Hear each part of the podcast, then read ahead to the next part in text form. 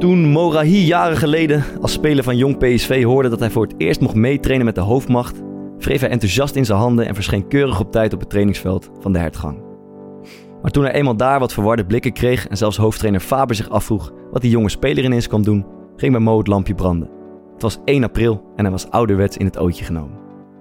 Maar 1 april is in de voetbalwereld niet alleen de dag van de flauwe grappen. Het is vooral Beltjesdag. De dag waarop spelers met een aflopend contract te horen krijgen of ze mogen blijven of moeten vertrekken. Wordt het opgelucht ademhalen of komt de fatale boodschap? Optie gelicht of het UWV?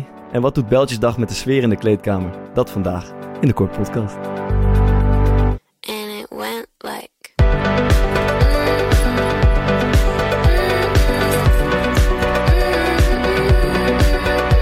Hij is van Bil gegaan. Hij, eh, hij roept maar te pas en te onpas allerlei dingen. Van Pil gegaan, wie zegt dat nog? Dat eh, doen we niet. Ja, maar jij zou meedoen? Ik vind mooie vrouwen zeer aantrekkelijk. ja. Als daar een microfoon bij was geweest, dan waren wij heel de wereld over gaan. Dat schofte er eigenlijk ook. Hè. Ik begrijp ook niet waar hij zich mee bemoeit.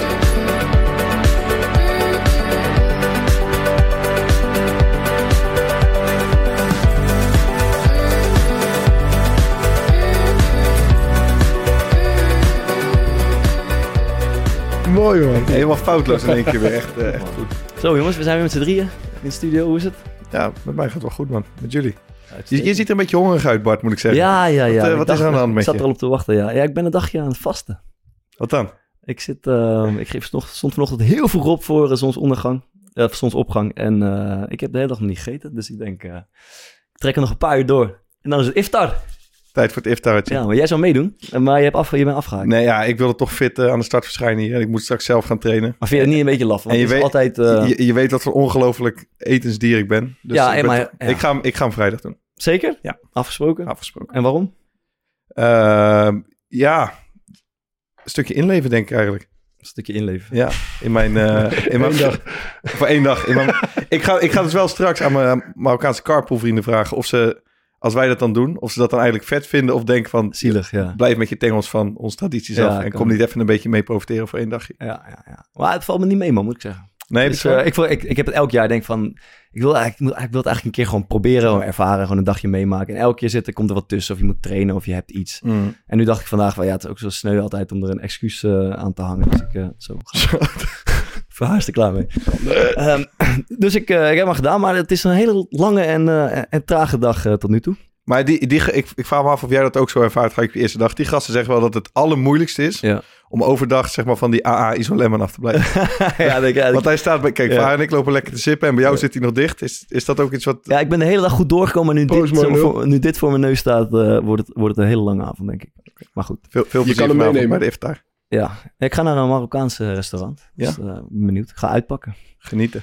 Ehm, te- te- even de 1 april, natuurlijk een beetje flauw eh, geintje. Las ik ergens over Morahi, maar wel een beetje typisch voor de, voor de voetbalwereld. Eh, Thomas lijkt me helemaal een man van de 1 april grappen. Schiet je iets te binnen? Ja. Ik, ik, ik weet niet of ik al een keer heb verteld, maar ik heb wel een keer één geprobeerd uit te halen. Ja. Met die, je, je kent dat tv-programma Streetlab toch? Ja, ja. Oh ja. Eh, en, eh, en, daar hebben ze Niet. één keer meegedenkt bij FC Utrecht. Die, eh, Mm. die Stijn van Vliet heet. die, Ja. Die noemt zichzelf Niets. Dan kroopt hij stiekem het veld op, ging hij meetrainen. Vond ik echt fantastische televisie. Daarna nog een keer bij Schalke 04 geprobeerd. Ja. En toen dacht ik, is wel een leuke 1 april grap om bij Sparta, ik speelde toen nog bij Sparta, om, eh, om op 1 april hem te presenteren als eh, nieuwe spits. Ja. Maar eh, ja, zoals vaak met eh, liggen, eh, de, de grens tussen geniaal en gek is, is vrij dun. De- de- dus ik was blij. En ik heb hem nog een bericht gestuurd of hij, of hij er zin in had. En Ja. hij vond het wel leuk. Ja. Maar zowel Excelsior als Sparta eh, wilde het niet. Je hebt hem overal geplucht, maar nergens Ja, Als een ik- ik- zaakwaarnemer ben je Ik, te hem, eh, ja, ja, ik noemde zelf ook mijn- zijn zaakwaarnemer. Is dat dan een gebrek aan humor bij die clubs? Nou, Of, of zo was het degradatienood? ja, bij Sparta wa- was tuurlijk. niet veilig. In april zal het een beetje tricky, Ja, ze hadden het dit jaar prima kunnen doen, maar blijkbaar vinden ze niet leuk genoeg, eh, Paulo, om, eh, eh, om mij nog eens een keertje op te bellen. En, Oké. Ja, hij luistert. eh, Als er dingen worden gezegd die niet door de beugel kunnen. Zeker, dan word ik aan mijn mouwtje getrokken. ja, ja. Ik, begreep, Eh, ik, ik ja. begreep wel dat ze bij Top Os, het was niet per se een 1 april grap, maar het was toevallig ongeveer in die week. Ja. Eh, wat? Wat is dit nou? Nee, kijk, dus daar... Toevallig rondom 1 april. Nee, het, het- kijk, ze hadden een soort team uitgehad. Ze waren uit geweest. En dat is een jonge jongen die een beetje aan het doorbreken is. Maar die is eigenlijk heel serieus met, van alle, met, gewoon met sport bezig. Ehm, en die proberen ze wat losser te krijgen. Maar die was dus ook nog maagd. Ehm, is hij mee uitgegaan? Nou, weet je, je weet hoe dat gaat. Als, je een, als een jong jongen meegaat die maagd is, gaan we natuurlijk bij iedereen een soort van presenteren. En het is gelukt. Dus die, eh, hij is van Bill gaan met een... eh, Van Bill gegaan, wie zegt dat nog? van Bill gaan met een vrouwtje die avond. En toen kwam hij de dag daarna op de club, maar hij vond het zwaar ongemakkelijk. En hij kwam een beetje met zijn rode kop aan. Ja. Maar als een gender reveal voor hem, eh, voor hem georganiseerd. Dus heel die club was, was versierd met blauwe, roze dingen. Prima. Hij kreeg zo noem dat, zo'n sharp of zo, zo'n ding op met de best daddy. Eh dus dat vond ik wel aardig geintje. En Maar het was geen 1 april grap. Ja, het was toevallig rond 1 april. hoe kwam je daar, heb je het opgezocht of heb je dit gehoord van de medespelers of van Ja, gasten die... eh, Focus Juice, eh, Juice Channel. Oké, oké, oké. Ehm, Ja, dan toch even heel even terug naar vorige week. Ik denk wel een van onze favoriete afleveringen met Mark van Bommel. Ehm, zo is hij ook ontvangen. Hè? Men, men vond het leuk, maar wij we hadden zelf ook die ervaring toch daar in, eh, in Antwerpen. Ja, nooit meer politiek, nooit meer correcte dingen maken. Iets buiten voetbal, alleen nog maar zulke gasten. Ja, gewoon eh oud Ja, was wel het leukst, toch? Ja, en waarom, waarom specifiek eh, met eh, Van Bommel? Nou ja, het kwam, het kwam een beetje bij elkaar, vond ik. Ja. Dus dat je, ehm, eh, je had en iemand die gewoon eh, op allerlei plekken is geweest. Ja, daar durfde hij alleen van te dromen. Hij kon er ook nog eens goed over vertellen. En hij wilde het heel erg graag. Ja. Ik had gewoon, ik zeg maar, wij vonden het een beetje spannend. We gaan erheen en je hebt er heel veel zin in. Maar ik had het idee dat hij er eigenlijk nog meer zin in had dan wij. Ja, wij waren vroeg, hè, Fok. En, Ja. en hij was al in, in dat hotel. En eh, ja, sloot eigenlijk gelijk aan. Was gelijk gezellig. Ja, dus dat, was wel wel, grappig. eh, was wel, Want je- dat hadden we niet verwacht. Nee, je, je vraagt toch af, want Bart, jij was een uurtje later, maar eh, Thomas en ik zitten zo in die bar. En hij komt daar binnen en dan denk je, dit, je gaat nu wel gelijk voelen van match het of niet. Ja. Ehm, en dat zat eigenlijk na vijf minuten. Hij was allemaal vragen aan het stellen over jouw trainerscarrière. En hij wist dat ik in de derde divisie speelde en daar wilde hij dan dingen over weten. Eh, en het was niet, het, het voelde niet gemaakt of zo. En dat, Ja. ik weet niet, dat, dat ging een beetje in het hele gesprek mee. Het, al- het allermooiste vond ik, dat in- na de podcast, dan hebben we dus vier uur, of eh, jullie hadden een uur gezeten en Ja. anderhalf uur opgenomen of zo. Dat hij zei, boys, doen we nog een drankje in de bar? Ja, op Het was tien uur, half elf s'avonds geloof ik Ja. daar. Het zou toch in het barretje zitten. Hebben ongelooflijk aan zijn lippen gehangen over al die verhalen die niet eh, voor de podcast je niet- beschikbaar Als daar een microfoon bij was geweest, Oh, dan waren wij heel de wereld Wij waren echt als drie kleine jongens gewoon eh, ja, aan het luisteren naar hoe het met, met Slatan in de kleedkamer was. En met Mino. Mino. Ja, ongelooflijk verhaal. Maar wat, wat ik heel grappig vond daar is dat hij eh, op een gegeven moment, ik, ik weet niet hoe we daartoe kwamen, maar toen vroegen van, voor welke wedstrijd was je het meest, heb je het meest spanning gevoeld? Ja. En dat was een van zijn twee Champions League eh, finales die hij had gespeeld. ja. Omdat hij niet zo zeker was over dat elftal. Daar had hij dus meer spanning voor dan bijvoorbeeld voor de WK-finale.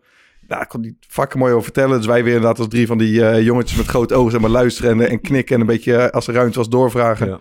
Ehm, en toen was het klaar en toen vroeg hij, en toen keek hij volgens mij naar mij, maar, maar wat is jouw mooiste wedstrijd die je hebt gespeeld? Ja, Ja, toen, ja, het was volgens mij... Feyenoord A1, Ajax A1. Nee, het was mijn debuut volgens mij met VVV tegen Cambuur. Ja. Ja, ik heb er maar 23 gespeeld. Dus, zo- maar dat was dan wel... Ja, dat is eh, wel makkelijk kiezen. ja, ja, zeker. Nou, Ja, nee, lastig ook. man. Je realiseert toch ook wel, dat had ik zeg maar, wij, wij zitten dan in die voetbalwereld en dat lijkt al een soort unieke wereld op zich soms.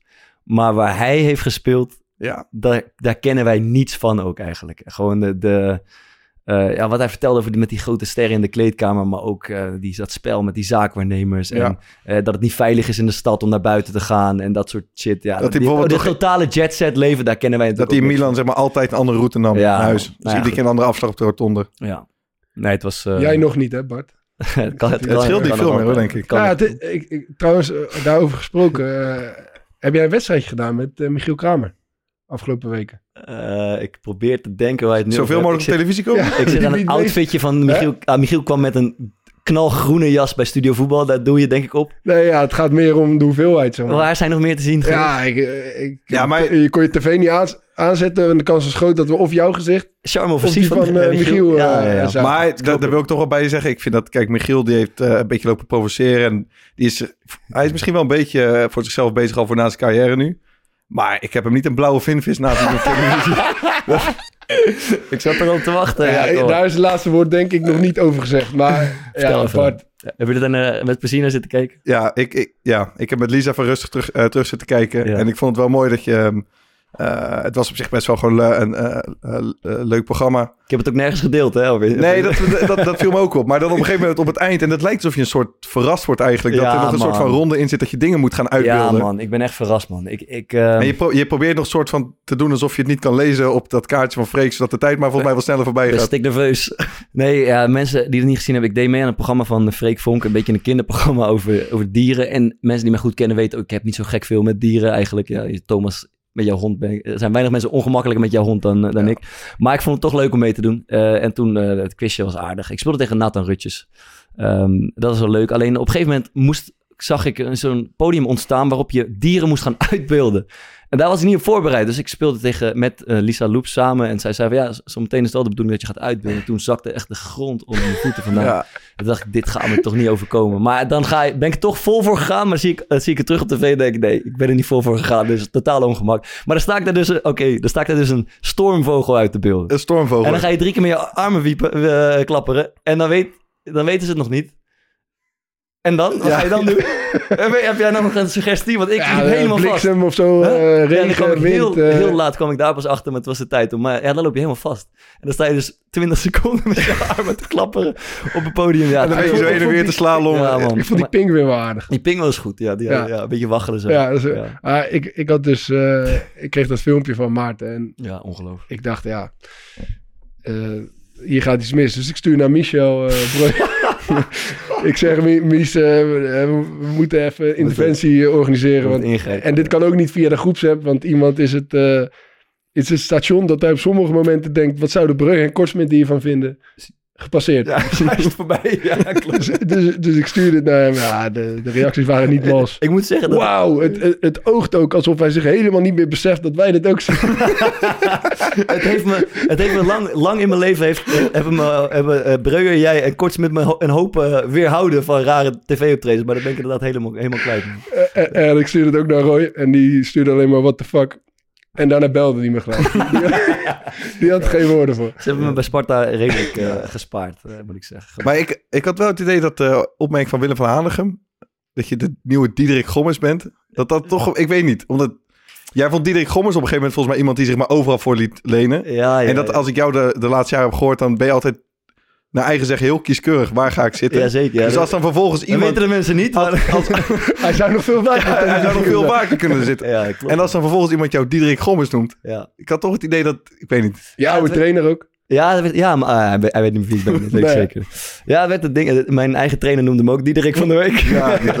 Ja, man. En even toch eerlijk gezegd, want was, daarna was er ook zo'n evenement waarop ik daar ook weer iets over moest zeggen. En toen, twee dagen later, werd ik, werd ik uitgenodigd voor eh, een programma. Heb ik toch even meegezegd. Ik wil pas op de plaats maken tot, het, tot er weer een beetje ruimte voor is. Dus dat eigenlijk, ja. Mooi man. Goed, verder iemand, iemand nog iets kwijt? Nou, als we het over jouw televisieoptredens hebben. Toon, ik ben wel eens wat kritisch geweest over hoe je er bij Rijnmond bij zat. Maar ik vond je deze week echt een keer goed. Dank je. Hij was scherp. Hij heeft gewonnen van Ruud van Os, toch? 1 tegen 1 battle. Ja, ik weet niet. Je, je zag er ook fris uit. Je kwam, want wij raakten wel eens in discussie. En dan denk ik op een gegeven moment van, nou, laat maar gaan. En dan luister ik het terug. Dan denk ik, die vader die zegt maar wat, maar ik laat me gewoon afbluffen. Maar nu, het, ik, het was gewoon het was een samenhangend verhaal. Je had erover nagedacht. Het ging over de supportersrellen Ja. van Feyenoord. En to- eh, bij Thomas, die, die is, een, is toch een beetje de Feyenoorder daar aan tafel. Die, die de club verdedigt eigenlijk steeds. Nou, dat is niet waar. Eh, tegen alle stormen in eh, ben je wel, kom je op voor de club Feyenoord. Ik zit daar niet per se om Feyenoord te verdedigen. Maar iedereen doet alsof zeg maar, wat daar is gebeurd eh, een probleem is wat alleen bij, bij Feyenoord speelt. Ja. En, en dat, is, dat is gewoon niet waar. Dus dan vind ik het een beetje hypocriet dat op het moment dat het een keer fout gaat, dat, dat Feyenoord daar onevenredig hard op, op wordt aangepakt. En dat, dat betekent niet dat er geen probleem is. Maar, Mhm. Eh, en, en, en daar ging het volgens mij over. En Ruud die ging al helemaal los over. Ja, het eh, ging van eh, kwaad tot erger. Dat was hard te gaan. ja, en, Ja, en, en, en die Ruud maakte op een gegeven moment het punt dat eh, als je een feestje organiseert, dus je organiseert een voetbalwedstrijd, dan ben jij volledig verantwoordelijk voor die veiligheid. En dat kan je niet Ja. een overheid of een gemeente opleggen. nee. Maar dat vond ik niet zo'n heel bijsterk punt. Want die gemeente profiteert natuurlijk ook op alle mogelijke manieren van het feit dat een club als Feyenoord in je stad zit. Ja, los daarvan moet je volgens mij bij de gemeente vergunningen en zo aanvragen. Mm. Dus zijn zij denk ik ook gedeeltelijk eh, verantwoordelijk. Nee, maar ik dacht, we, we- weet je, we lopen je altijd af te zeiken. Het altijd natuurlijk eh, de grote Bart Vriends op Hemel Show. Eh, mogen we een keer positief zijn over Ja, het. bedankt man. Zo Bedankt. is het. bedankt. Eh, ik had nog één ding eh, over Feyenoord gesproken. Ehm Fokker, je hebt een keer in de, in de podcast verteld, ik heb het tegen je gezegd, eh, dat je, je hoorde een spray, of een, een eh, publiek was een naam aan het scanderen. In- Wij in zijn niet bang, want Fokkert is erbij. Jij dacht, ze zingen Fokker is erbij, maar het bleek Foppen. Fokker aan te zijn. Ehm, Ik zie mezelf nog staan. Lekker is dat. Oh. En ik moest daar heel van denken, want ik, wij speelden natuurlijk die derby tegen Feyenoord. Ehm, en eh, na afloop van die wedstrijd moest ik naar de camera van eh, ESPN. En die zit daar zo in het hoekje, echt bij het uitvak van Feyenoord. En uh, Kukçu, de aanvoerder van Feyenoord, moest eerst. En ik zat daar een beetje te wachten. En we hadden net verloren, dus ik zat een beetje zo eh, ongeduldig te wachten. En toen hoorde ik dat uitvak, hoorde ik wat dingen zingen, zeg maar. Zo'n repeterend liedje. En toen ging ik goed luisteren. En toen dacht ik te horen dat het liedje eindigde op het woord podcast. En als je dat eenmaal hoort... Dan moet het over jou gaan. De, ja, maar ik, eh, en als je dat, eh, en ik, als je dat eenmaal hoort, dan ga je dat de hele tijd horen. Dus ik zat, er- en ik durfde niet te kijken, want ik was ook een beetje, eh, ik had net verloren en alles. En toen probeerde ik te luisteren en toen dacht ik, ja, misschien overschat ik het totaal, dat kan natuurlijk. Dacht ik dat ze zoiets zongen als, het is een, hij is een jood met een podcast of zo. En dat ging de hele tijd door. En het zou natuurlijk kunnen dat ik het totaal verkeerd heb opgevangen, want ik durfde ook niet, Het is een jood met een podcast. dus ik durfde ook die mensen niet aan te kijken. Dus ik heb het laten gebeuren zo. En het ging echt minutenlang door. Ik dacht, ja, ik probeerde, wat zingen ze anders? Weet je, wat zou het anders kunnen zijn? Dus ik weet niet wat het is. eh, maar ik vroeg toch af, zijn er mensen die, die mij dit eh, kunnen vertellen? En als het zo is, dan vind ik het best wel... Dan is het de eerste keer in mijn leven dat ik een spreekwoord tegen me heb gehad. Dat vind ik mooi. En als het niet zo is, ben ik heel benieuwd wat ze dan zingen. In plaats van, het is een jood met een Dat is podcast. een mooie titel van een podcast. Zeker. Een jood met een podcast. Eh, dus eh, daar, daar, was ik, eh, daar was ik even nieuwsgierig naar. Ehm, ik hoorde dus ook ja. via via dat jij na die wedstrijd, eh, dat je scooter beklad is. Ja. Wat, Ja. wat, wat is daar gebeurd? Ja, nee, mijn scoot, ja. Eh, ja ik goed heb overal oren. Ja, ik, nee, niet eens beklad, maar ik, eh, ik woon in een, eh, in een flat en, er- en mijn scooter staat er in de garage. En daar staan een aantal andere scooters. En ik liep de volgende dag, we verloren van Feyenoord met 3-1. En ik had een nieuwsbericht, of ik had een, een so- soort artikel waarin ik zei dat ik hens, dat ik de bal, eh, dat de bal op mijn hand kwam in die wedstrijd. Goede redding. Eh was een uitstekende redding, ja. En toen zat er op die scooter voor mij, ze dachten dat het mijn scooter was, was zo'n A4'tje geplakt met eh 3-1 uitslag. Ik weet ook niet van wie het is. 3-1 voor Feyenoord. En dan het artikel met mijn hoofd erbij. Dat zat zo op de scooter geplakt. Waar ik dan elke ochtend tegenaan dat kijk. is wel mooi dat iemand daar de moeite voor neemt. Maar goed, dat is het ene. Eh, het andere was, eh, we, hadden, we hebben het iets, iets serieuzer. We hadden dat eh, ballenalarm eh, eh, Ja. eh, eh, besproken. Eh, dat je elke maandag, eerste maandag van de maand, eh, als dat alarm afgaat, even aan je ballen moet zitten Ja. om te voelen of er iets onevenredig zit Ik heb daar. om het goed te maken met Lisa haar wel laten checken. Het is nu wel gelukt, ja.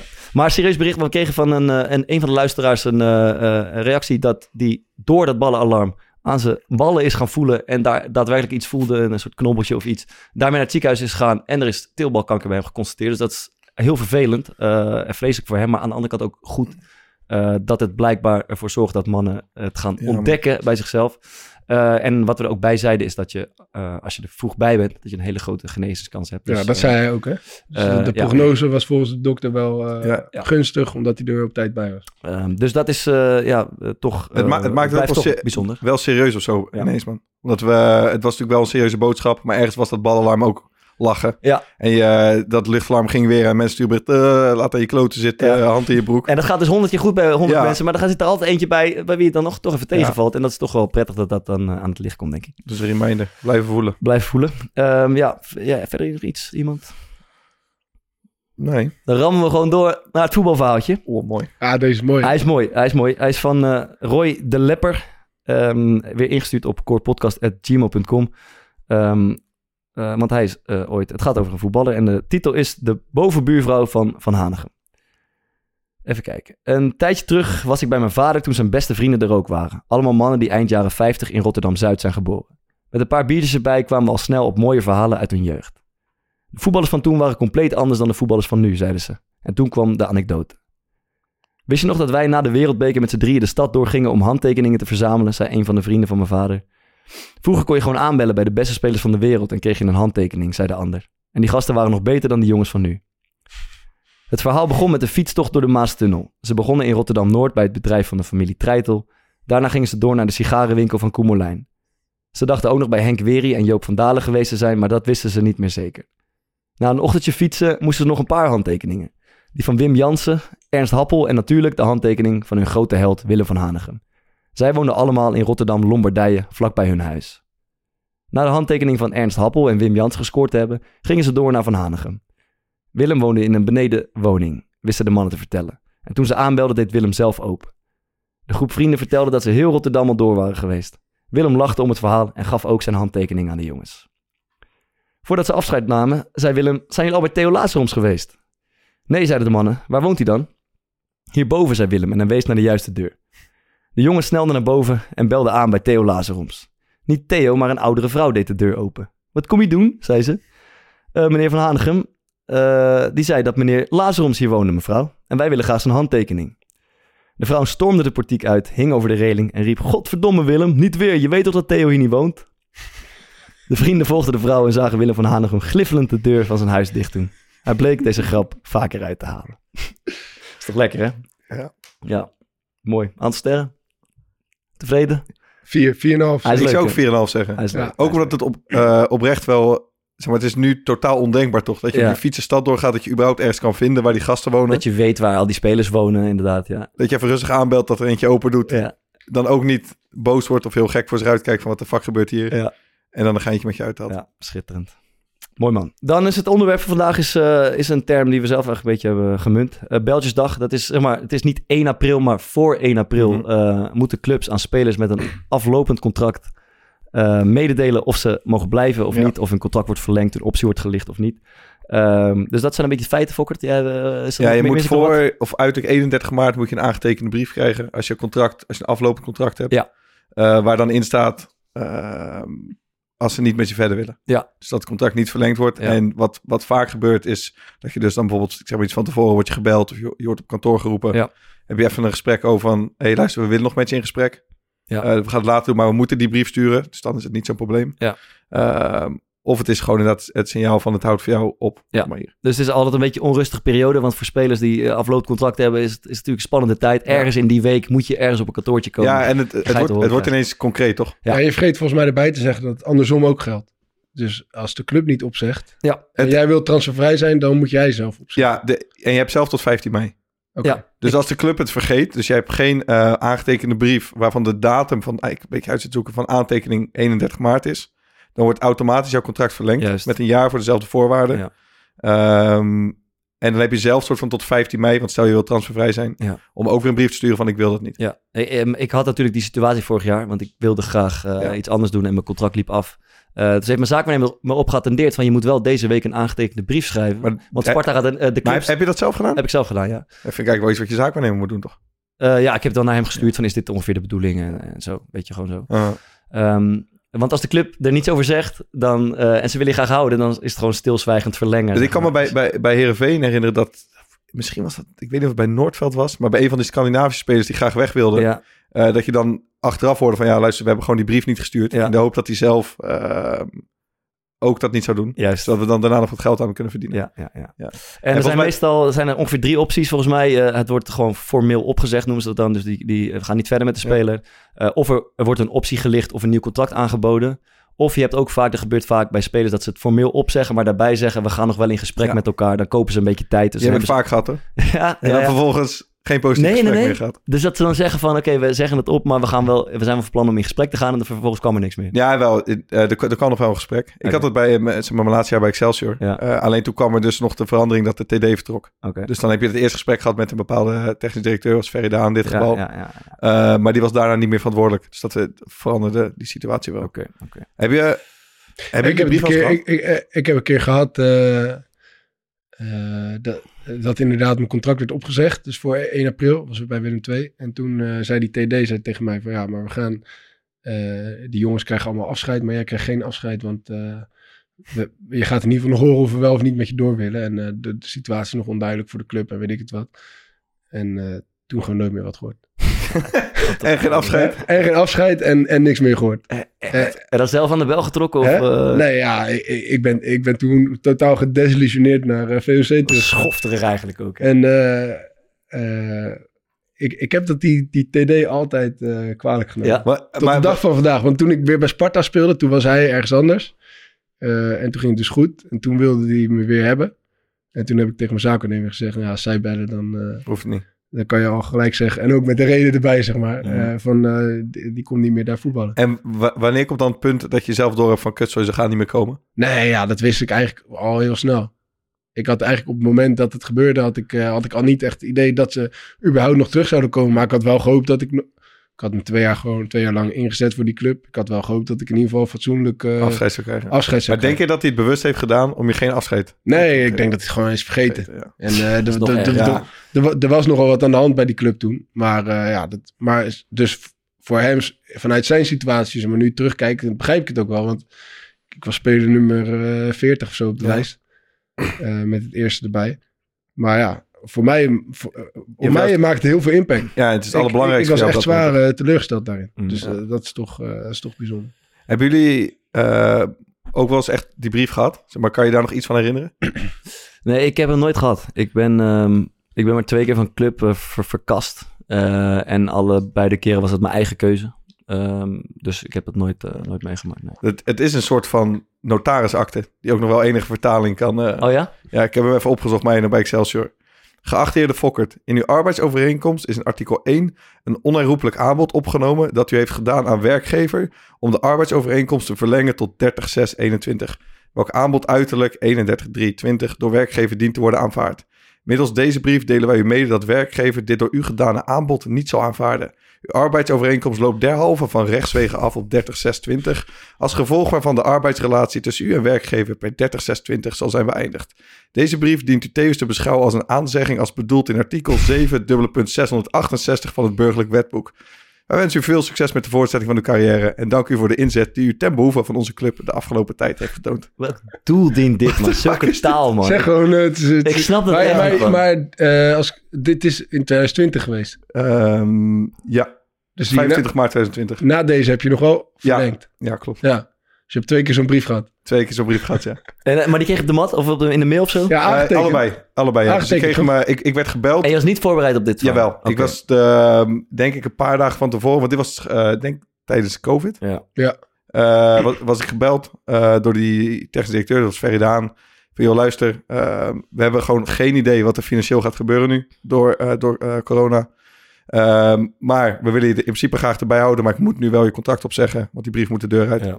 Eh, dus weet dat je een aangetekende brief krijgt. Zij deed dat wel heel netjes hoor, in dat opzicht. Oké, oké. Maar eh, die, aan die taal kan wel even gesleuteld worden, denk ik. Kom op man. Even ter eh, illustratie. ehm, een mooi interview met Mark de Vries. Oud-speler van eh Cambuur. En Hij heeft een beetje furore gemaakt in, in Schotland, onder andere. Die grote spits. Ehm, en die, speelde, die, is net, eh, die is in gesprek met de verslaggever. En die heeft net een wedstrijd gespeeld. En die heeft ook afgelopen week, of die week daarvoor, eh, de brief ontvangen. Daar gaan we even naar luisteren. Maar ik, ik bedoel, eh, ja, ik heb eh, Dat na 400 wedstrijden. ja, een beetje een moeilijke week en eh, dan, dan, dan, dan eh, een rare brief gehad en dan eh, nu zoiets en dan ja, zonde. Rare brief. Ja, maar daar gaan we niet over doorpraten, maar dat is gewoon, eh, dat is gewoon zonde. Ik was echt, echt een beetje gefrustreerd. Brief van de club eh, voor 1 april, de bekende brief. Ja, maar niet daarover doorvragen alsjeblieft. En dan, eh, hoef ik daar ook, ook, ook niks over te zeggen. Ja, je begint erover, dus dan word ik wel benieuwd. Oké, maar nu stop ik er weer, dus dan, gaan we dan gaan we verder met voetbal. Een moeilijke week, met dan een mooi einde. Ja, mooi einde. Kijk, we hebben deze drie wedstrijden hebben we voluit, eh, voluit gespeeld. Negen punten gehaald. Nou, een beetje, een beetje probleem gehad met, met supporters. Die hebben ons eh, eventjes eh, de oren gewassen. Nou ja, ik denk dat we het nu weer goed hebben gemaakt door eh, uit die drie wedstrijden negen punten te halen. En eh, ja, nu zijn we eh, waar we moeten zijn en eh, gewoon gefocust blijven nu. Heb je dan ook het gevoel dat je jezelf hebt laten zien met die brief op de deurmat?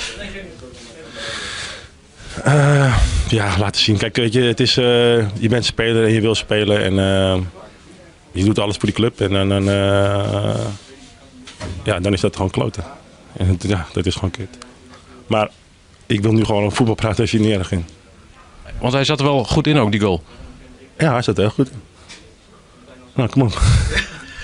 Je hebt er wel moeilijk mee. Ja, dat verbaast me eigenlijk. Want? Nou ja, iemand die al zo lang meeloopt en zoveel ervaring heeft. En dan blijkbaar toch geraakt wordt door een brief die verstuurd moet worden door de club voor 1 april. Omdat dat nou eenmaal de regels eh, zijn.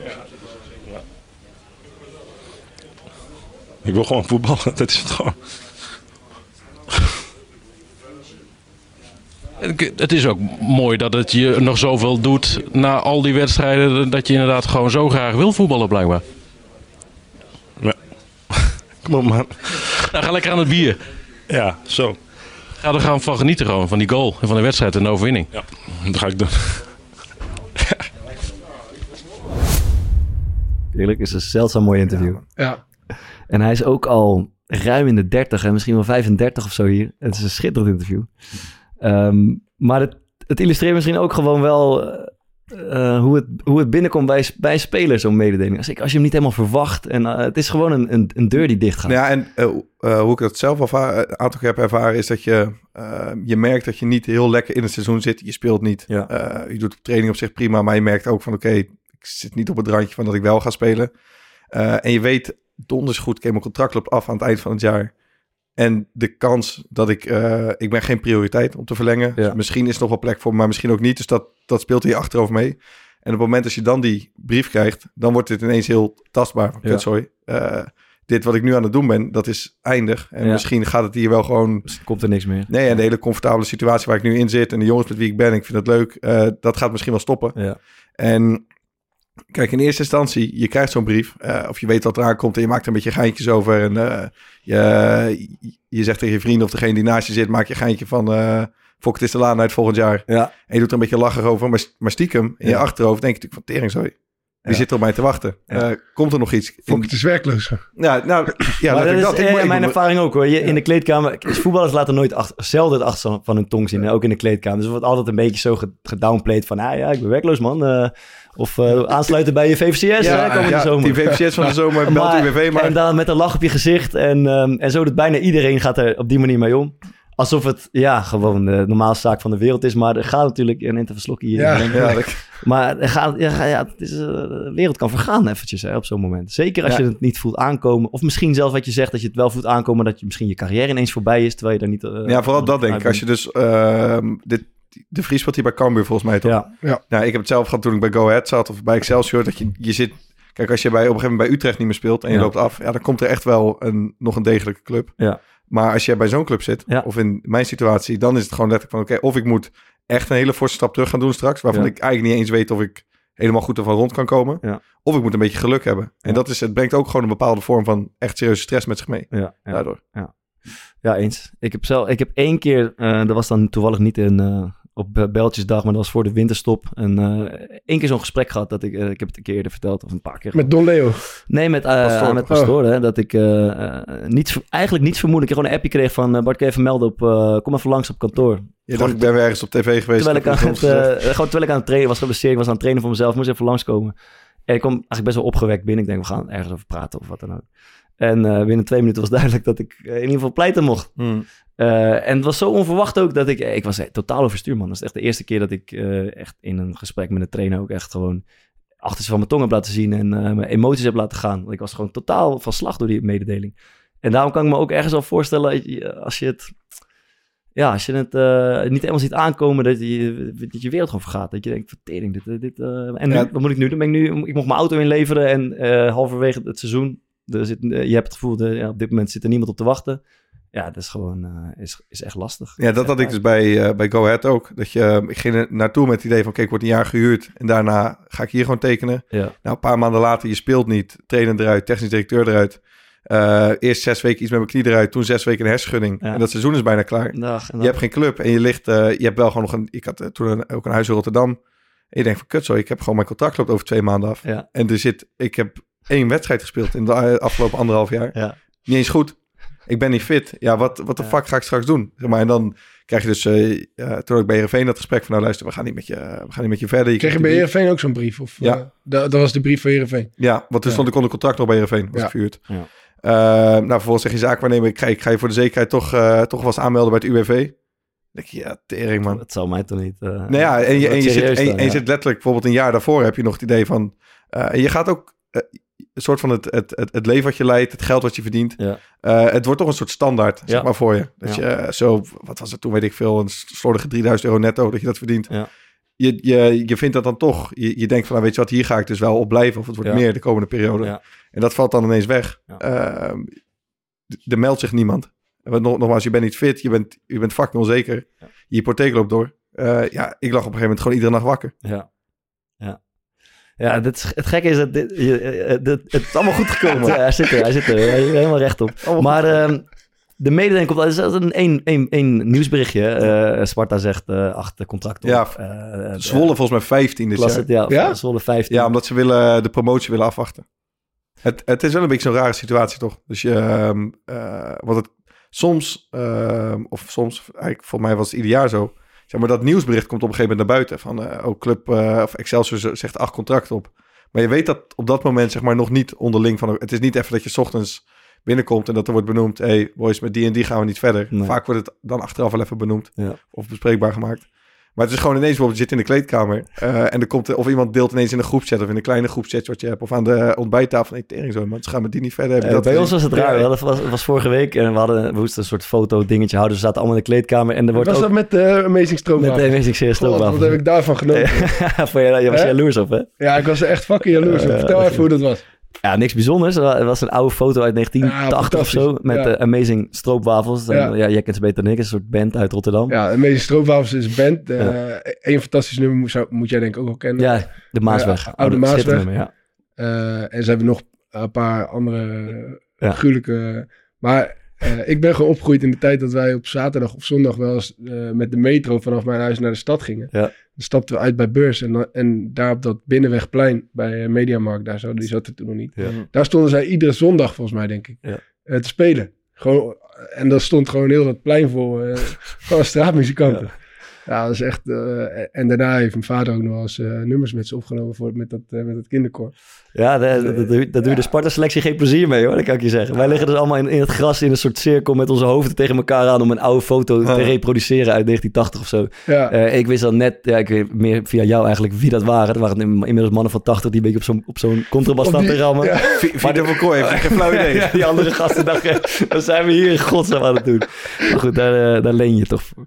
Ehm, maar wat er gebeurde, eh er was ook de dag dat, het was ook belletjesdag. Dus er was ook, eh, eh, de spelers moesten, één moest om kwart voor twee naar binnen, de ander om twee uur, de ander om kwart over twee. En die druppelden er één voor één, zeg maar, terug de kleedkamer in. Ja, want, want bij jullie doen ze die, of bij Sparta doen ze die gesprekken soort van eerst echt. Gewoon, die moet, Ja, blijkbaar. Iedereen die een aflopend contract heeft, komt bijvoorbeeld gewoon op woensdag. Ja, dan moesten binnen. vijf, zes gasten moesten daar, daar komen. En dan komen we weer terug de kleedkamer in. En dan, wordt, dan zit iedereen daar en dan zegt er eentje... En eh, Tim, zeg het maar. en dat is natuurlijk best wel gaar. Want dan, moet je daar, ja, dan ga je ook niet door schreeuwen door de kleedkamer. maar-. Ja, en dan krijg je dat. En de Ja. volgende, ja, ja, ja, en, ja, ja, we gaan nog in gesprek. En dan dat druppelt zo, eh, ja, dat- en dan is opeens alles duidelijk van hoe, hoe de Ja, de, verhouding walk, de walk of shame. Een walk of shame, ja. Dus dat was, eh, ja, zo, zo, zo gaat het. Ook zit nu te denken, zou, zou het een idee zijn om, eh, om bijvoorbeeld als club zijnde dat gewoon over een lange periode uit te smeren? Want Ja, natuurlijk. soms weet je het natuurlijk al. Ja, ja Maar aan de andere kant kan er ook natuurlijk al... Ja, De- er is ja, niks je zo kan- veranderlijk als kan- de... Precies, dus je kan in ja. februari die bankzitter eh, naar huis sturen, maar Ja. als die in maart begint te vlammen, dan denk je in april van nou... Ja, dan, moet als- je, dan moet je ineens nog om, aan, aan tafel. Maar als, als speler weet je het toch, zeg maar 9 van de 10 keer weet je het al. Want als ze met je verder willen, dan heb je het altijd tussen neus en lippen door. Ja, nee, maar het gaat dat er meer om dat het altijd nog wel eh, kan veranderen dan. Toch? Eh, Dat, Dus- dat zeg maar, als je het in januari... Ik zat te denken van ja, dan stuur je toch in januari die brief. Als je, maar dan, in die drie maanden kan je Ja, dus ook de twee eh, geblesseerd en je Maar schiet er dus, drie binnen. dus Ja. krijg je de gekke situatie dat eigenlijk dat Alles gesprek op ja. 28 maart is het beoordelingsgesprek Ja. of het functioneringsgesprek wat je krijgt. Ja. Ehm, want ik heb niet heel veel ervaring gehad met dat je, eh, misschien doen jullie het bij Excelsior inmiddels wel, dat je tussen, eh, door het jaar heen zeg maar drie, vier, vijf keer met de technische staf zit om te, wel, om te kijken hoe het Ja, gaat. Of, ja? Ja. Nou goed, ik, ik heb veel eh, jaren meegemaakt dat je dus dat, dat dat toch min of meer, hey, je hoort wel eens wat hier en daar, maar dat het op 28 maart of 29 maart, dat, dat je dan echt gaat horen eh, hoe, hoe de vlag erbij hangt. Ja, de- Ja, maar, ja. maar dit is toch een beetje hetzelfde met dat je ehm, soms als je het idee hebt eh, dat mensen een geintje over jou maken, omdat, je, omdat niemand spreekt je meer aan of je voelt je buitengesloten, dan is dat Ja. vaak zo. En dat is met dit toch ook, dat als jij niks hebt gehoord in de maanden daarvoor, Ja. een keer van een trainer hierover of een keer van een assistent die even uh, klop je schouder bent goed bezig, jouw, ja, jouw kans komt. Ja. Of als het TD is even een keer knipoog even geven op de gang of je kort voor een eh, gesprekje binnen heeft geroepen. Als dat niet gebeurd is, Ja, dan weet je toch eigenlijk 9 van de 10 keer wel van oké, dit ja, wordt hem niet. dat klopt. Maar ook zo kut, jongen, als je, als je TD bent. Oh, wat een kut gesprek. om die gesprekken te doen, ja. Zouden we even aan iemand moeten vragen eigenlijk. Ja, dat gaan we proberen. Dat gaan we proberen. We gaan het vragen aan Mo Allach, inmiddels technisch directeur bij RKC Waalwijk. Hoe het is vanuit het perspectief van de technisch directeur om de speler de fatale boodschap te moeten bezorgen. De correspondenten.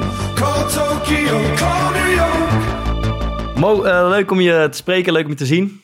Ehm, we we hebben het eh, gehad over, over Beltjesdag eh, als speler. Eh, nou, die, periode is, Ja, die periode is net achter de rug, ook eh, voor jou als technisch directeur. ja. Kan je, kan je ons even meenemen naar, naar dat soort gesprekken? Hè? Hoe, hoe ziet dat eruit? Waar gebeurt het? Wie zit erbij? Kan je ons even meenemen? ja, weet je, jullie noemen het Beltjesdag, hè? Ja, Ja. Ik ben wel eens benieuwd naar wat, wat, wat voor jullie de definitie van een Belgisdag is. Ja, toch, toch een beetje de, de hakbel in de selectie gaat. Ja, Zo, het, het, al het overtollig vet wordt, weg, eh, wordt weggesneden. Het overtollige hout wordt weggekapt, zou ik willen zeggen. ja, ja, of je gaat een beetje snoeien, hè, zodat het beter gaat bloeien. Dat kan ook, hè? Dat, klinkt, dat klinkt een stuk positiever. Ja. ja. Laten, laten we het zo doen. Ja, ik vind die 1 april is voor mij niks anders en niks meer dan een soort administratieve pijldatum. Hè? Dus, dus dat je formeel gezien eh, ja, weet je, beslissingen moet nemen of iets dergelijks. Hè? Dus of, of schriftelijk iets kenbaar moet maken. Maar in ieder geval in mijn werkwijze is het zo dat wij eh, ja, gedurende het seizoen ook gewoon vaak met onze spelers in gesprek, eh, in gesprek zijn. Hoe ik zelf altijd ervaren heb, is dat je vooral de, de maanden, zeg maar, daarvoor, dus een beetje vanaf januari, zelf best wel aanvoelt van oké, de club wil met mij verder of niet. Ehm, ook, je, je, je hebt vaak wat meer gesprekken of je hoort tussen en lippen door eens een keer wat. Ehm, dus dat je het zelf redelijk aanvoelt. Maar heb je wel eens bijvoorbeeld meegemaakt, of is dat iets wat, wat bijvoorbeeld jaarlijks gebeurt, dat je zelf het idee hebt dat je best wel duidelijk een signaal hebt laten doorkomen, eh, of een signaal hebt afgegeven al de maanden daarvoor, en dat de speler dat echt totaal anders ziet? Ja, ik, ik heb echt wel eens meegemaakt hoor, dat een speler ook gewoon boos werd. Ja, dat hij gewoon echt teleurgesteld raakte. En dan, ja goed, dan zoek je het eerst bij jezelf natuurlijk te raden. Nou ja, eh, want ik, ik praat niet over signalen. Ik hou van duidelijkheid en concreet zijn. En als je het ook niet weet, benoem ook dat je het gewoon nog niet weet. Eh, dat je het nog, in de, nog even in het midden houdt. En vooral een club als RKC, dat, dat, eh, eh, en verleden natuurlijk ook Sparta of clubs die een beetje in dezelfde contraille zitten als ons. Gaan we eredivisie spelen? Gaan we geen eredivisie spelen? In mijn vorige periodes, Europees voetbal, ja of nee? Hoe ziet de begroting er, er precies uit? Dus dat zijn allemaal, allerlei variabelen die je meeneemt in de samenstelling van je selectie. En ja, ik denk dat het echt op één hand te tellen is waarin een speler echt eh, ja, volledig, volledig kloten bij mij het kantoor uitloopt. Dat, dat, eh, dat, dat niet, nee. Maar dat, dat moet toch, eh, even, als we toch even inzoomen op die paar moeilijke, moeilijke momenten. Dat moet toch ook iets, dat moet toch ook niet makkelijk voor jou zijn? Of is dat puur, zie je dat puur zakelijk? Hè, dat zo'n speler daar toch nee, eh, ja, is? nee, goede vraag. Kijk, weet je, het, laat ik het zo zeggen. ik sta er nooit gevoelloos in en probeer in dat soort gesprekken ook op een of andere manier. Ik ben 50, dus ik kan me niet echt altijd een vaderrol toe-eigenen. Zeg maar. Daar zijn de spelers over het algemeen wel te oud voor. Maar je probeert ze natuurlijk wel gewoon mee te nemen van, van hoe ik er naar kijk, eh, hoe ik het zeg maar zie, eh, welke advies ik iemand mee kan geven. Is jouw eh, strategie, als je dan die boodschap moet bezorgen, ehm, eh, onmiddellijk to the point komen? Of ehm, een beetje erin masseren, hamburgertechniek? Neem ons even mee, man. als er een gesprek komt waarvan je weet van ja, weet je, eh, deze is gewoon pijnlijk. Hey, gelijk to the point, man. Geen poppenkast, niet eromheen draaien. Eh, gewoon heel duidelijk zijn, aankijken. Maar wel, wel ik vind wel, ehm daar mag wel, eh, wel gevoel in, hè, snap je? Dus, dus, dus eh, Ja. ja, zo zit ik trouwens ook even zelf als mens in elkaar hoor. Dus Ja. of iemand wel, nou wel mijn, mijn, mijn, ja, hoe zeg je maar, qua persoon mijn voorkeur heeft of niet. Eh, je moet er wel wat gevoel in stoppen, maar hey, kerels, ga er niet omheen draaien, man. Dat weten jullie ook. Gewoon pam, to the point. ja, ja. Met die bel erin. Nee, en, nee, nee, ehm, nee, juist niet die bel erin. Nee, nee, nee, Nee, echt niet. Weet je, ik probeer sterker nog, zelfs nog een hand op de schouder te leggen, even symbolisch gezien, en iemand aan te kijken. En, ja, en daarin wel, wel absoluut duidelijk te zijn. En het kan ook Ja. wel zo zijn van, joh, je mag ook staan en me een rechtse hoek geven hoor, als je daar behoefte aan hebt. Dan, eh, dat is ook geen probleem. De ruimte voor, voor emotionele reacties, die horen, ja, die horen er ook bij. Ja, Ja, ja, ja. Misschien niet eens, eh, je hoeft niet eens namen te noemen hoor, dat eh, snap ik. Maar eh, is er één gesprek, als we het hierover hebben, hè, over die, die bewuste mededeling voor 1 april, is er één gesprek uit jouw verleden die jou onmiddellijk bijstaat of die jou onmiddellijk naar boven komt? Ja, één gesprek hoef ik geen namen te noemen, want dat weet je, dat is altijd, dat, dat, dat is wat persoonlijk natuurlijk. Maar ja, er is ook echt één gesprek dat ik echt iemand tegenover me zag sta, zitten en die, die, ja, alsof die water zag branden, snap je? En, en dat ik hem echt aankeek, ik van, oh, wacht eens even, dit, eh, dit, is, eh, dit, eh, dit, dit komt dat- hard binnen. En, Dat was dus dat, dat, jij, dat jij hem vertelde van luister, we- ik ga je geen nieuwe aanbieding doen. En hij had bij wijze van spreken het idee, ik ga hier een drie jaar contract uitspreken. Ja, nou goed, inderdaad, hij had echt het idee dat hij nog even kon blijven. Nou, achteraf bleek daar ook een stukje miscommunicatie met, met het agentschap als het ware te zijn. Maar goed, nou ja, die, die, die was echt zwaar teleurgesteld. En dan, nou ja, dan is het oké en dan staat iemand op en dan, ja, dan smijt hij een deur dicht, bij wijze van spreken. Dus komt er nog een stukje Ja. woede uit. Maar dat is me echt maar één keer overkomen hoor, dus, dus in 18 jaar. Dus, nou ja, ik zeg niet dat ik er trots op ben, maar ja, over het algemeen gaat het goed. En heb je hem toen ook aangeboden om die rechtse hoek te, te, ontvangen? nee, nee, nee, dat komt ook maar heel zelden voor. Dus er schiet er trouwens bij mij nog, nog wel eentje in trouwens hoor, die ik echt wel, die, daar, daar, daar moest ik ook wel een traantje om laten. Eh, dat je op een gegeven moment een speler, ja, weet je, ook echt afscheid moet nemen. Dat heeft ook echt te maken op dat moment nou, met leeftijd, weet je en, en, en speeltijd en noem maar op. En dat Ja. de speler in kwestie zelf wel zoiets had van, ah shit, ik moet echt mijn carrière nu gaan beëindigen, weet je wel. Dus, Ja. dus eh, ja, en dat ook dan de tranen gaan vloeien, weet je wel. En eh, ja, weet je, dan, dan, ja, dat vind ik wel heftig, maar weet je, dat vind ik, dat vind ik wel heftig. Nee, Ja. ik, ben- ik, snap het, ik snap dat je die Ja. keuze moet maken. Maar voel je dan ook ergens een beetje mede verantwoordelijk voor het beëindigen van de carrière van die speler? Werkt dat dan zo? Nee, want ik ben niet mede verantwoordelijk voor zijn geboorte geweest, zeg maar, voor zijn leeftijd geweest. En, en, Hij moet, hij moet bij zijn ouders te raden gaan. Weet je, dat, dat niet. Maar wel dat ik in principe zeg maar, het sluitstuk vorm. eh, Ja, want je zou ook degene kunnen zijn die het nog verlengt. Als Ja, ware. precies, precies. Ja. Weet je, en ik ben dan zeg maar een soort sluitstuk van, van iemands Ja, carrière. Eh, ja, weet je, en op dat, ja, je- dat, dat- ik moet zeggen, in deze speler in kwestie ook de warmte terug, hè, snap je? Van oké, weet je, het is ook voor spelers soms lastig om. Kijk, ik accepteerde toen ik besloot om zelf te stoppen, ik stop er nu mee. Ja, en sommige mensen, ja, die hebben wat langer, ja, die, die acceptatie, zeg maar, wat langer nodig. En dan is het soms, ook al is het emotioneel, eh, ook een vorm van dankbaar van, nou ja, weet je, ik, ik moet er nu ook echt mee stoppen, weet je. Het is, Ja, het is, ja, ja, weet je, dit, ja, soms is een beslissing van mij ook een soort bevestiging voor iets wat ze heel lang hebben we- weten uit te stellen. Ja, ja, ja. Nou, dat zeg ik wel heel poëtisch, maar dat is het. Dat, is een mo- dat is wel een mooie uitsmijter, eh, Mo. Eh, Ja. Hartstikke bedankt. Hartstikke bedankt voor je, voor je tijd en voor je verhaal. Ja, top. Oké man, graag gedaan. Ehm, even een, eh, eh, Pascal Bosgaard was assistent, of is assistent-trainer van, eh van Cambuur. Ehm, die kreeg ook de mededeling een paar weken geleden. En die zegt in een interview, geloof met AD, het, volgende over. Voetballers moeten voor 1 april weten waar ze aan toe zijn. In dat kader had de club op maandag een aantal gesprekken gepland. Ik ben in die beslissing zelfs nog onderdeel geweest, zegt Bosgaard. Na de training zag ik ineens een appje met een schemaatje. Ook de assistenttrainers werden in die gesprekjes van acht minuten ingedeeld. En daar kreeg ik van de directeuren te horen dat de club niet met me doorgaat. Het doet me echt pijn. Vier jaar lang zat ik bijna dagelijks 's ochtends vrolijk om kwart voor zes in de auto naar Leeuwarden. Ik heb bloed, zweet en tranen gegeven voor de club. Ze hadden me dit toch ook in januari kunnen vertellen? Waarom moet dat nou net vlak voor 1 april? De, ik wist nog niet eh, zeg maar, het feit dat assistenttrainers ook in dat, in dat riedeltje worden meegenomen van, van spelers. zo- Zeker als je zelf bent betrokken Dat is bij... best ironisch de- eigenlijk, toch? eh, Dat is heel bijzonder, ja. Hoezo? Ja, dus dat jij met, de met de staf en de TD... De bel, En- en- met, de, met de bel opgehakt. Met, met, met de bel op lopen hakken. Van, de- oké, die wel, die niet. En dat je vervolgens eh, denkt, oké, klaar, eh, is gebeurd. En dat je dan een lijst toegestuurd krijgt met iedereen met waar jij de bel in hebt gezet. Die moet op gesprek komen. En dan sta je zelf ook op die lijst.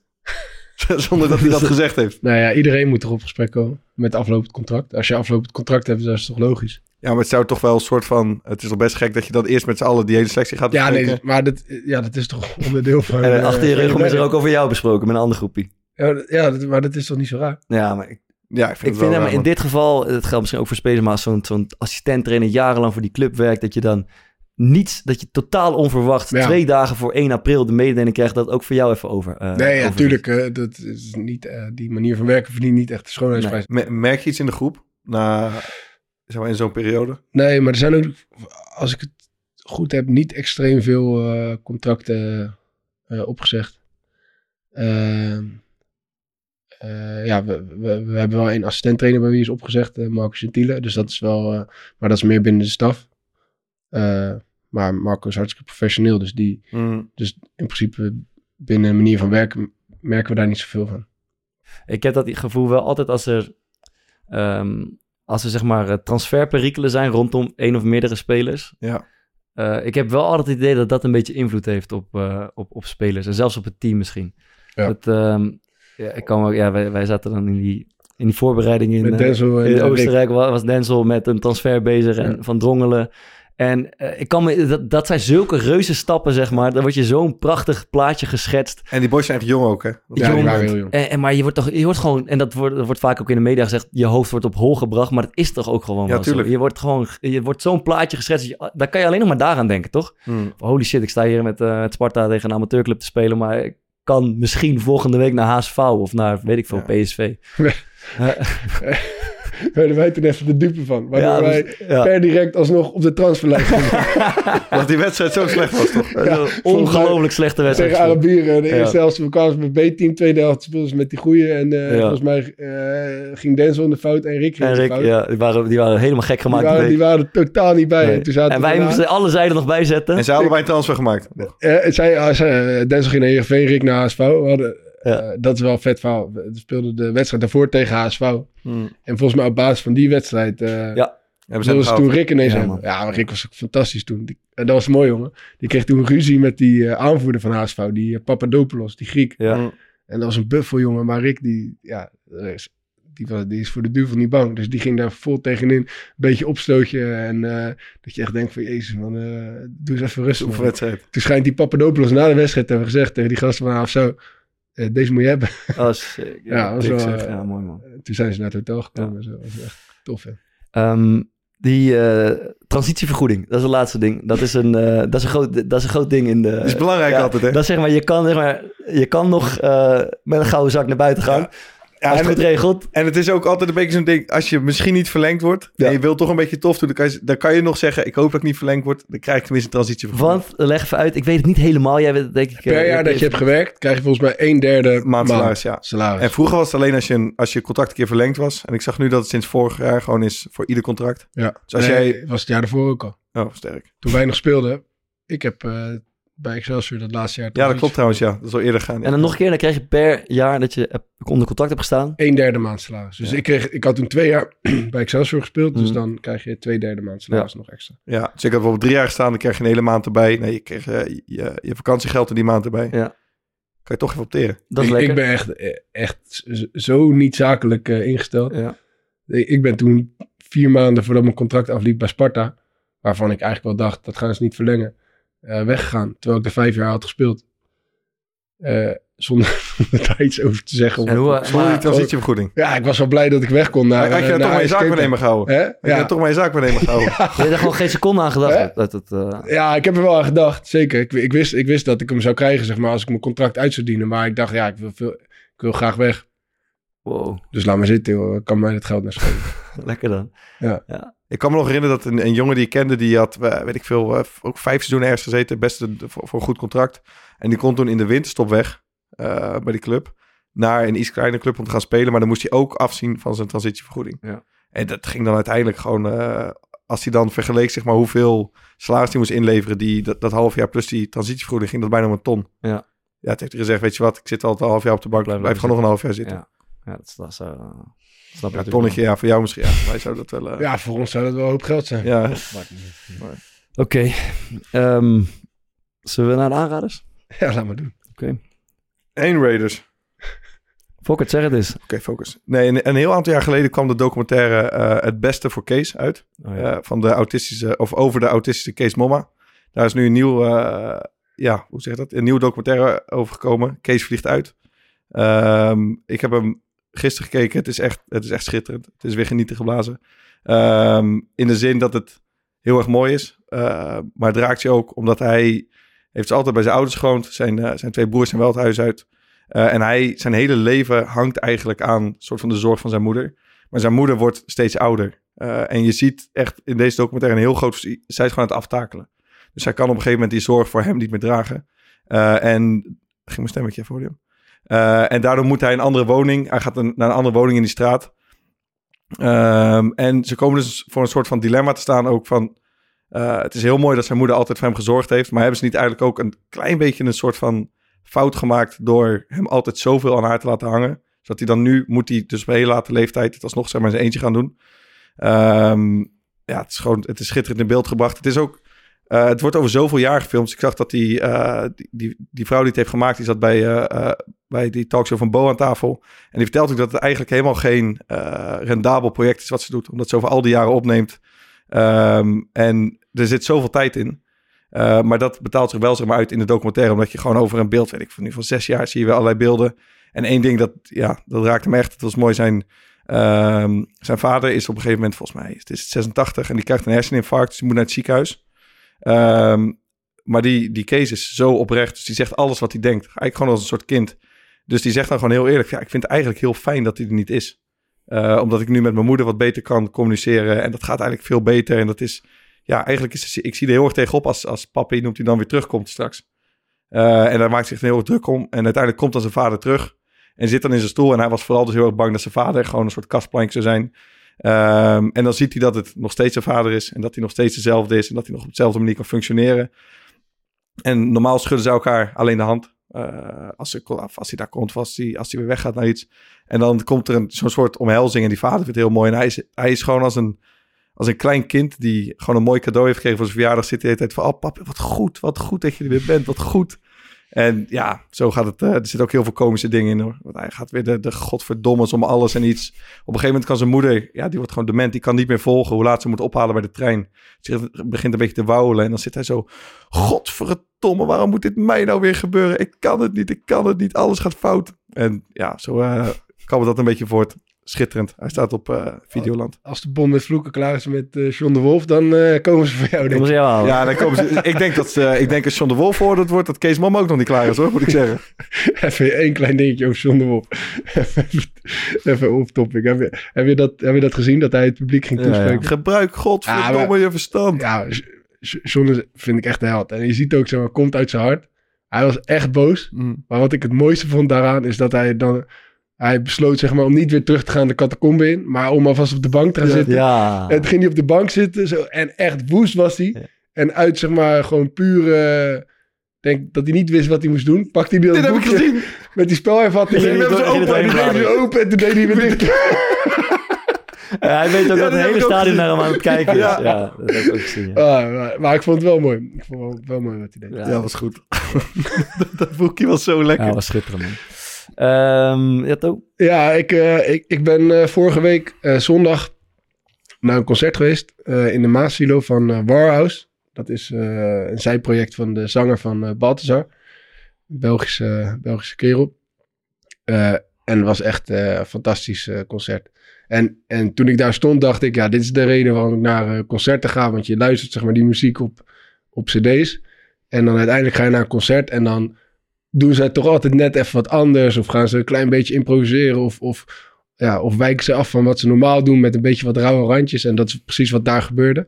En eigenlijk zou ik graag willen dat, dat een klein stukje in de uitzending geknipt wordt. Van, eh, want, het, want er is een, een live registratie van hun in, in de Maasilo ook al eerder, eh, een paar maanden geleden. En dan wil ik eigenlijk een klein stukje laten horen.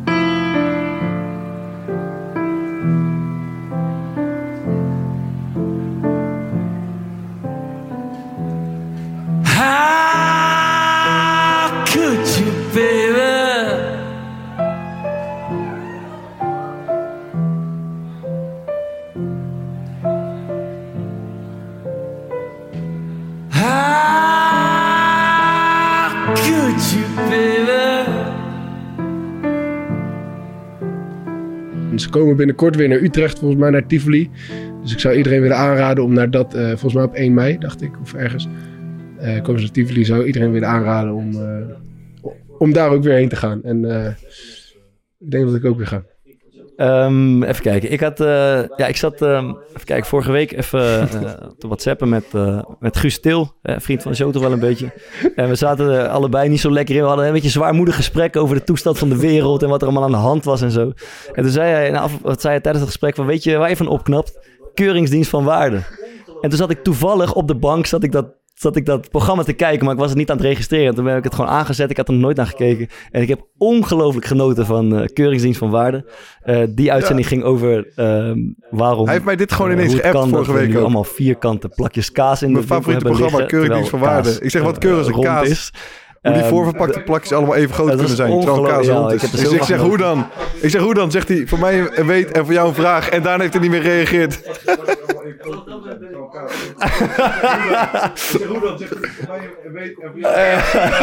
Het is echt geweldig. En vanaf dat moment ben ik, alle, ben ik al die dingen gaan kijken over Iberico ham en over zuiver. En de conclusie is eigenlijk elke keer, we worden gigantisch in het ootje genomen met z'n allen als, als consument zijnde. Ik, kwam, Eh, ik kwam nog tegen, Gustil, dit weekend bij PSV. Ja. Na de wedstrijd, we hadden 4-0 verloren. en viel de rust in, volgens mij. En die zei na de wedstrijd tegen mij, ja, jullie hadden het eh, best goed eh, voor elkaar. Maar toen kwam Til erin. Toen had hij, ja, mooi. Maar toen had hij waarschijnlijk net de keuringsdienst eh, van waarde gekeken. Want dat, eh, ja, dat moet je eigenlijk elk weekend even doen. Schitterend. Ehm eh, sluit af met een liedje? Of was dat de ja, ja, ja. Nou ja, ik dacht eh, natuurlijk, ik had me al, eh, ik was het bijna vergeten, maar ik wilde eigenlijk dat nummer van Warhouse eh, erin zetten, maar die heb ik nu in mijn aanrader geknipt, dus kan ik nu mooi een ander liedje kiezen. Eh, omdat we het net over de Amazing Stroopwafels hebben. En Mhm. mensen moeten natuurlijk wel weten eh, over, over wie dat gaat en hoe die gasten klinken. En eh, ja, dat nummer Oude Maasweg is fantastisch. Staat altijd hoog in de top 2000. Maar ik ga dan toch voor... eh, Yes. ik ga naar Frankrijk. En ik kom eh, nooit meer terug. Oké.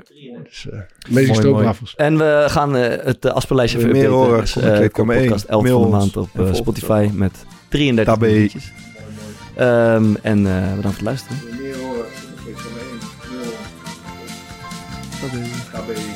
Ik ga naar Frankrijk, ik kom nooit meer terug. Ik ga naar Frankrijk, ik kom nooit meer terug. Ik ga naar Frankrijk, ik kom nooit meer terug. Nog drie minuten, dan gaat mijn trein, dan hoef ik hier ook nooit meer te zijn. Want als ik hier blijf, houd jij me aan de lijn. Utrecht, Atrecht, Kamerijk, Levelingen, Rijssel, Sjaloos, Roosbeek, Loteringen, Deukjes, Kloosjaar, net de Vlambaar, Pan, Hart, Krebsje, Godverlet, Rockfort, Pate, Kikkerbril, Hanslever, Petje, Snor en dat eeuwige gezever. Frankrijk! Nou weet ik heel goed dat je Frankrijk haat en daar dus ook nooit op vakantie gaat. Ja, zelfs in Brussel.